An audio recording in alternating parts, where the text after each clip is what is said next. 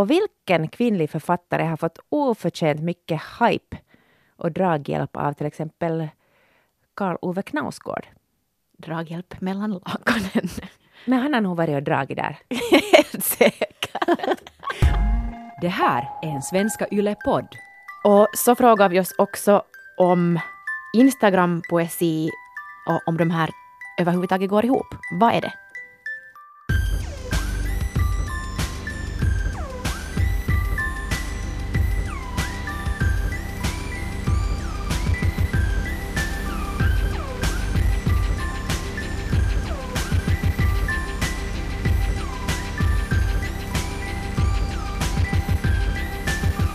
Hej Anne! Hej Ida! Den här veckan har vi två suspekta böcker tänkte jag säga. Vi börjar med lite Instagram-poesi. Vet du sådär som när man...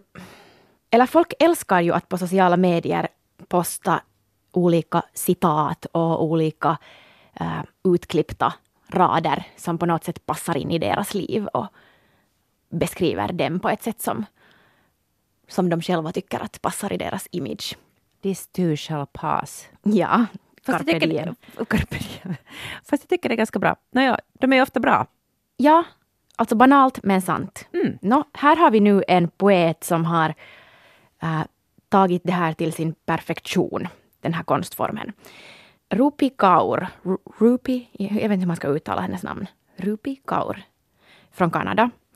Äh, skrev alltså dikter på Instagram och har nu redan gett ut två samling, alltså diktsamlingar i bokform med sina Instagram-dikter. Vi har läst Milk and Honey, Mjölk och honung eh, i svensk översättning av Sandra Beijer från bloggen 9 till 5. Och det kanske kan säga någonting om den här nivån, tänkte jag säga, nej förlåt, det var fullt sagt, men den här liksom målgruppen. Målgruppen är unga tjejer på Instagram. Och temat, teman, eh, alltså Rupi Kaur skriver om teman som rasism, övergrepp, men också kärlek och sex och vad det är att vara kvinn, ung kvinna.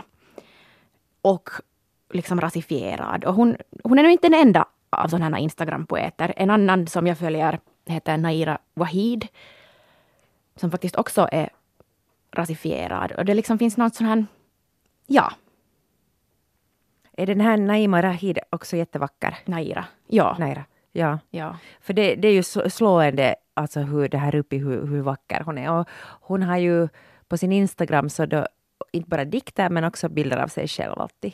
Ungefär på sistone är det ungefär vartannat. Jag har inte läst hennes bok men jag har ju följt henne på Instagram och läst hennes Instagram-poesi. Och i början, jag skulle säga att det kanske för ett och ett halvt år sedan, två år sedan, så började det här namnet komma upp hela tiden och folk repostade hennes texter väldigt ofta. Det blev så en enorm boom. Och jag tänkte, "Vad- är det här för något? Vem är det här? Men jag, det var så att jag var lite för gammal, att det var lite de här yngre tjejerna som postade och skickade. Så jag har, jag har faktiskt nu för första gången försökt på riktigt sätta mig in i hennes dikter och tittat, vad, vad är det här egentligen? Och temamässigt så är det ju jättefint, oftast det är väldigt viktigt och bra. Sen så kan det, någon så kan det just någon gång kanske kännas lite banalt. Mm. Alltså, nu, ja. Det är nog lite sådär väggord. Varning. Får, får jag läsa min favorit åt Ja, dig? tack. Och det här kommer nu på sån här mummo-engelska, för jag kan ju inte tala engelska. Your voice does to me what autumn does to trees. You call to say hello and my clothes fell naturally. Det är helt sant, det här var en dikt. Förlåt. Jag har inte själv skrivit den. Mm, men alltså det är jättehemskt för att nu känns det att om man kritiserar henne så är det sexistiskt för att lyriken så länge har dominerats av äldre vita män. Eh, och att det finns något jättefint med att unga rasifierade kvinnor tar sin egen plats i, eller skriver in sig i liksom den här genren. Och sen att sånt som överlag sånt som tilltalar unga kvinnor är så lätt att kritisera och skratta åt och bagatellisera. Mm, liksom vad som helst för flickkultur är ju alltid föremål för åtlöje. Sant. Så jag skulle på något sätt inte vilja vara en del av de kritikerna. Utan låta det få vara vad det är. Att okej, okay, om det är banalt men det kan det få vara, det kan ändå vara viktigt för många. Jo, och sen, sen så tänker jag så här. Poesi är ju erkänt svårt och folk säger jätteofta att jag förstår mig inte på poesi, det är inte för mig, det är obegripligt. Och viss poesi kan kräva, äh, kräva lite extra, det har mycket motstånd. Det här, de här texterna har inte på det sättet motstånd och på det sättet så kan hon ge bra poesi-självförtroende. Att man kan tänka att okej, okay, att det här, jag förstår den här världen och så kanske man själv vill börja skriva. Uh, poesi är, inte kanske jättehett egentligen, men hon kanske gör det till det, vilket är ju en fantastiskt stor tjänst. Mm. Egentligen tog jag nu den sämsta dikten jag hittade, det var lite fräckt. Men det kanske finns bättre? Mm, eller finns det? Hur många följare har hon egentligen? Nu är, det ju ett, nu är det ju något helt otroligt. Nu skulle det vara hemskt roligt att veta de här mekanismerna. Eller varför hon blev så otroligt stor, just hon. För att hon är en av de första stora i den här genren som jag har hört om åtminstone. Mm. Och tänk att hon har gjort en sån mega business av det. Att hon, eller, men det har på något sätt att göra med just det här individualistiska, imagebaserade samhället på sociala medier. Och att hon har lyckats på något sätt fånga den där kärnan av hurdana unga kvinnor vill vara eller vad de vill identifiera. Jag vet inte. Men tror du att det är kalkylerat eller är det, är det här bara... Är det bara? Vissa saker blir ju stora bara sådär. Mm. Svårt att säga. Hoppas det, hoppas det inte är någon annan som har... Att hon, Nej, varför tänker det? Det här var nu fräckt. Ja, att någon hennes ja. agent bara sen får alla pengar. Ja, och hon är bara en docka. nej, nej, nej. Jag, sådana tankar hade jag inte alls. Vet ni vad? 3,1 miljoner följare. Det, det, är nog bara att vara tyst vet du, och, och, mm. och beundrad. Och tänk just det här, att tänk om hon kan få flera människor att läsa poesi. Och, och sen också, vad är bättre än att, att uttrycka ångest och svårigheter i poesiform? jag tror att det är bra för varenda människa att skriva ut, inte behöver det publiceras sen. Men att bara använda sig av poesi och bara få ut de här orden. Ja, att varför det är nu sen är just hon som har blivit så stor. Sen är här också hennes, i den här boken är här hennes sådana egna äh, små teckningar som hon också publicerar på Instagram. Som nu alltså verkligen inte är något speciella. Att det här ska på riktigt. Okej, okay, jag kommer ihåg en gång för jättelänge sedan så var det en jätterolig äh, recension av vad hette han den där ena italienska sångaren? Uh, Eros Ramazzotti. Ja.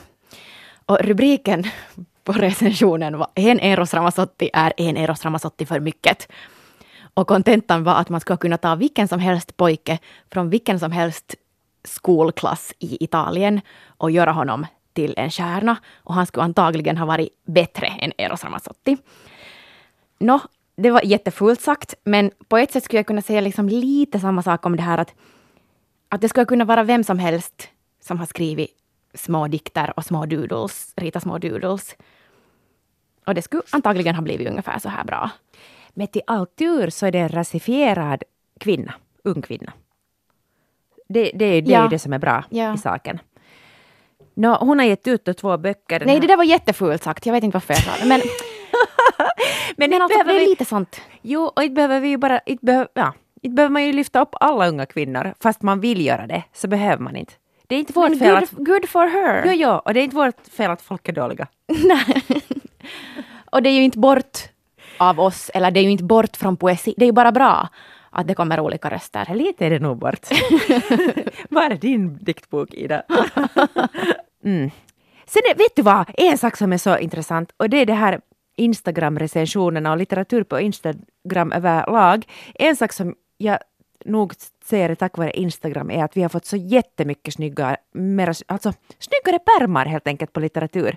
Ännu för några år sedan så var åtminstone alla finlandssvenska böcker så fula att man kunde inte, eller man drog sig inte spontant till dem, utan man vände sig ifrån dem. Och nu har vi också här i Svenskfinland börjat få fina pärmar och har många, många skickliga illustrat illustratörer. Sant. Och det att folk recenserar böcker på sin egen Insta. Och att det kan finnas bara några rader. Och det är ju jätteroligt att följa. Jag följer massvis med konton som som har sådana korta recensioner och, och man får jättebra boktips. Och det är bara roligt att de världarna sammanförs. Ja, för de är ju egentligen långt ifrån varandra som man tänker Ja, fast är de? Alltså, att det, det är en sån fördom att Instagram per definition är ytligt. Och det tycker jag att inte är sant. Nej, men jag tänkte att, att det är bild, no, okej, nu Ja. det, ord, att det är bild kontra ord.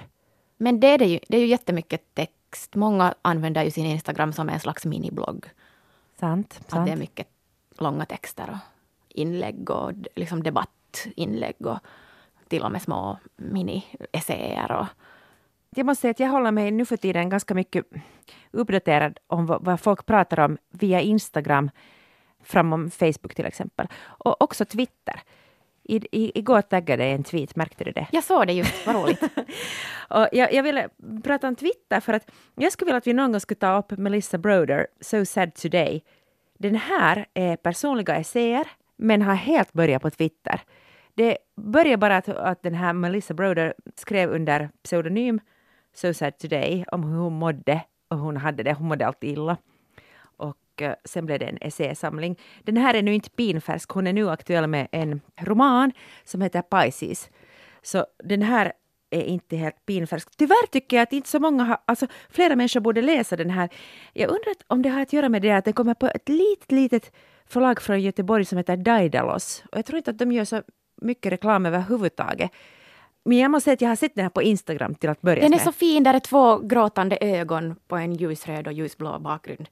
Verkligen. Oj, jag vill ha den. Får jag genast läsa den? Kan vi läsa den till nästa? Vi kan. Här var, här var, jag tänkte på dig flera gånger. Åh, Ida kommer att älska det här. Och, du ska, och den här är också, känns väldigt, nu, alltså idag, nutida. Jätte, jättefin. Ljuvligt. So Oj, det här ser jag fram emot. Ni kan ju läsa det här med oss för vi tar upp den sen nästa vecka. Den är, den är håll, håll i hatten. där, är, där är allt. Där är till och med för mycket. Det bara så, vi har ju pratat mycket om essäer den här hösten och hur vi tycker om, eller inte mycket, vi har pratat lite om det, personliga essäer och vas, att vara öppen. Här undrar man om hon passerar några gränser. Ljuvligt. Anne, eh, jag fick en bok av dig för ett år sedan ungefär som heter Separationen av Katie Kitamura. Och den var jättekonstig. What is up? No, det var en sån här bok som jag upplevde att en människa måste läsa för att Katie Kiramuras, separa, Kiramuras eh, separationen så var en sån här snackis och hon var också på alla soffor, intervjusoffor och prata. Hon är en sån här väldigt begåvad, sexig figur som man gärna vill prata med. Och eh, hon är kritiker, verksam i New York, undervisar i skrivande, har skrivit många böcker, men det här, eller tre, den här är den första som kommer på svenska. Och håll i hatten! Nej, nu måste jag sluta säga håll i hatten, det var det, det fulaste. Och Håll i trosorna. håll i... Jo, för vi ska prata om Knausgård. Vår vän Knausgård. Så han är då en av de första som har läst det här utkastet och han tycker att det är fantastiskt. Det är det bästa någonsin. Han vill bara ligga med henne. Eller så har han läkare, men varför säger han det då efteråt? Är det liksom betalningen? Nej, nu var vi fräcka. Den här separationen börjar i London med en, en kvinna som har just separerats från sin otrogna make. De har varit tillsammans i fem år och den här mannen har varit hela tiden otrogen. Och det är då en bidragande orsak till att de skiljer sig. Men av någon outgrundlig anledning så vill inte mannen att man ska prata om det här så att hon måste vara tyst om att de har skilt sig. Och det har gått ett halvt år och hon lever nu till exempel inför den här mannens mamma i en sån här lögn att de är nog ännu tillsammans. Han har nu olika orsaker varför han tycker att det blir jobbigt att, att prata om det här åt folk. Och eh, så blir det på det sättet att hans mamma, som är en väldigt så här rik och förnäm dam, ringer till, till den här kvinnan och säger att, att nu är din man, exman, men det vet hon inte, nu är din man försvunnen, att han har åkt till södra Grekland för att bedriva forskning i gråterskornas liv och hantverk. Men han är försvunnen. Att jag har nu köpt ett, en flygbiljett, och du måste leta reda på honom. Att vad har hänt med honom? Och hon där kvinnan har lite svårt att säga nej, så mitt i allt befinner hon sig då på ett flyg på väg till södra Grekland för att få tala med honom och hon- har en egen ko i diket också. Det är det att hon skulle vilja ha de där skilsmässopapperna underskrivna så att man på riktigt skulle kunna gå vidare och inte bara leva i det här hemska limbo. Och ordet limbo är förresten en ganska bra beskrivning av vad som händer sen. För att hon kommer till Grekland och tar in på ett lyxhotell var hennes exman borde ha bott, men han är inte där. Och eh, så utspelar sig berättelsen.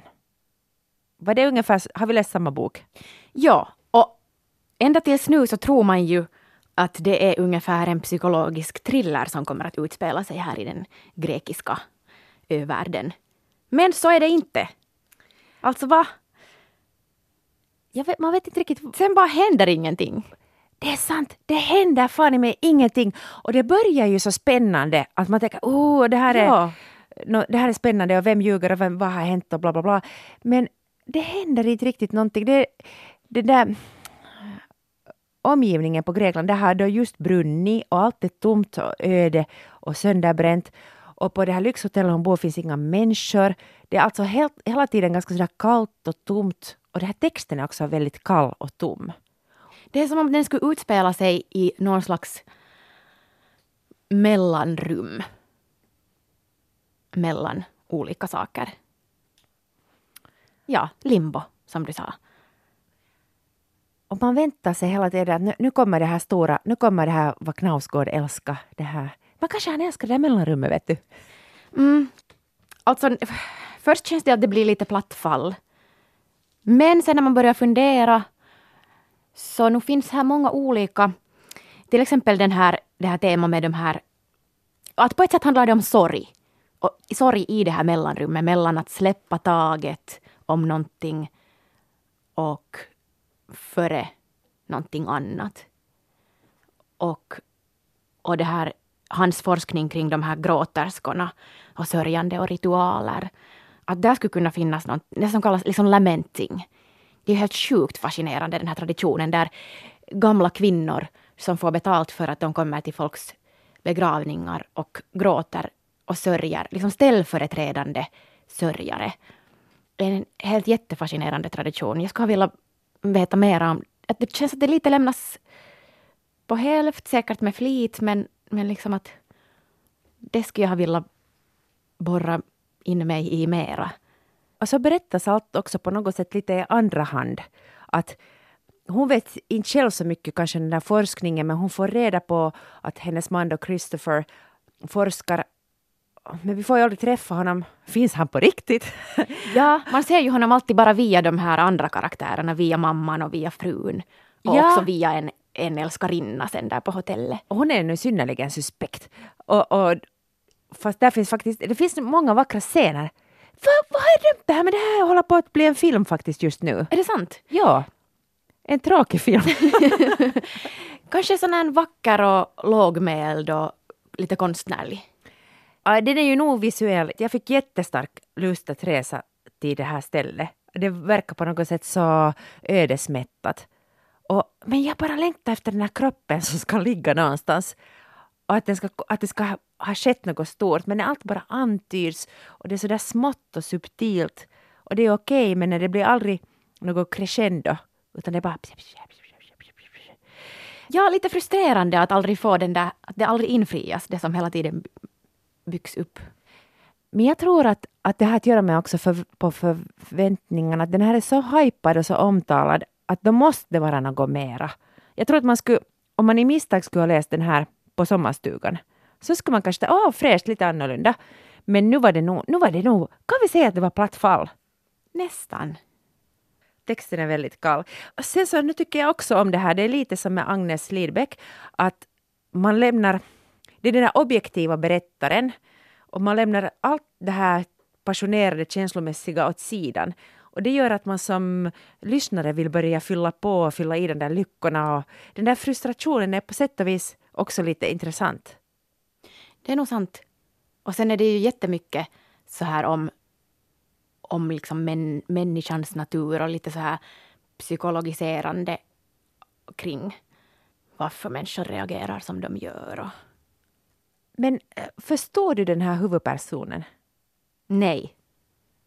Inte jag heller. Det fanns ingen rim och reson i hur hon bara gick med på att vara tyst om att de har skilt Ja, det där sig. har jag ofta jättesvårt med i fiktion. Att identifiera mig med människor som... Nej men varför säger ni inte bara att prata? Liksom, för jag är så tvärtom, jag kan inte hålla någonting inom mig. Om jag blir störd på någonting så måste jag genast säga det. Att hur kan ni bara gå omkring i åratal och inte säga saker? Man blir ju sjuk. Alltså, det där är så bra, för det finns så många filmer som inte jag kan se på, speciellt filmer faktiskt. Därför för att den ena vågar inte säga att den andra att den har älskat den hela sitt liv. Jag blir helt vansinnig. Att, säg nu då! Eller hur? Vad är det för något?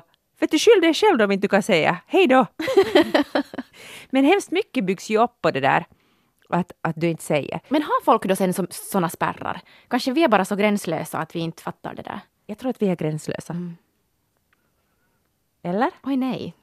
Men det är ju bra, eller? Ja. Åh, skrämmande. Hur man är vanliga människor sen uppfattar det. Det måste ju vara hemskt.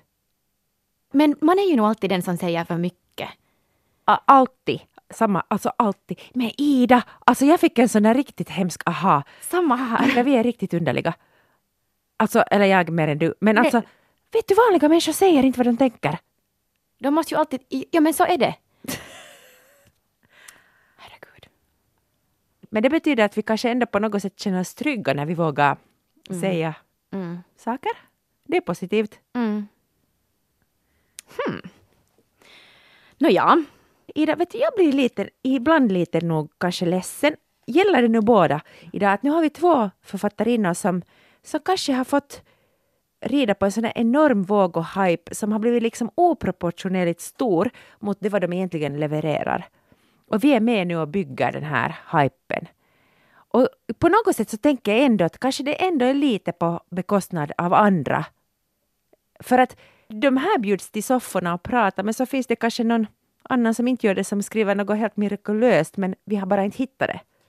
Ja, och i, är- har det någonting att göra med att i dessa tider av bokpoddar och bok-instagramkonton och allt sånt här, att litteraturens megastjärnor, liksom, eller att man, den, det har blivit på något sätt sådär mainstream och den här kärnkulten och personkulten och statusen och allting, att sker det på bekostnad av någonting och vad i så fall? För vi läser ju också ofta samma saker som Alla andra. alla andra. Ja. Och så är vi jätteglada för att vi kanske hittade det en vecka före. Men ofta inte. Det är också samhörighet. Man vill läsa det vad alla andra läser. Man vill vara med i samtid, samtiden och känna sig att man är där det händer. Ja, och nu har det ju kanske i alla tider funnits någon slags litterärt kanon som har varit kän- kännetecknande för just den perioden. Ibland gör vi sådana utstickare så börjar vi läsa något riktigt gammalt. Men det går aldrig bra det heller. Kanske vi måste bara nu återgå till något Dostojevskij igen. Bröderna Karamazov. Va, va, vad skrev de? Skämta. Det här vill jag säga ännu, att jag lever nu en sån, jag tycker inte om det där ordet bubbla, men eftersom jag följer jättemycket människor med samma intresse som jag, så, så hade jag på- något sätt börjat tänka att det är jättetrendigt och fint att läsa och alla eh, unga coola läser. Så träffade jag vår vän Koko Hubara, hon sa att det är jättetöntigt att läsa, inte läser någon. Bara va? Vad säger du? Så nej, inte, hennes vänner kan inte ens läsa. Nej, det sa hon inte alls! hon sa att, att yngre människor som hon känner inte läser. Så sa Ja, hon. men de hör inte till vår bubbla. Nej, men är det inte hemskt att jag har levt nu som bub- bubbla? Jag trodde det var coolt att läsa. Men det är ju i vår bubbla. Alltså, jag, på ett sätt, jag förstår inte den där att man skulle måste gå utanför sin bubbla. Och om, det är, om livet är liksom sämre där, att är inte det bra att omge sig med sådana människor som är intresserade av samma saker, som har liknande värderingar? Att inte betyder det att man stänger ögonen för att det finns äh, rasism och nazism och allmän liksom, idioti. Att nu är vi ju mycket medvetna om det. Jo. Men att är inte då ändå kiva att det finns en bubbla där man kan känna sig att okej, det finns ändå likasinnade och, och jag kan välja, alltså varför skulle jag måste välja att umgås med någon illitterär nazist när jag kan välja att umgås med tänkande människor som har samma intressen som jag.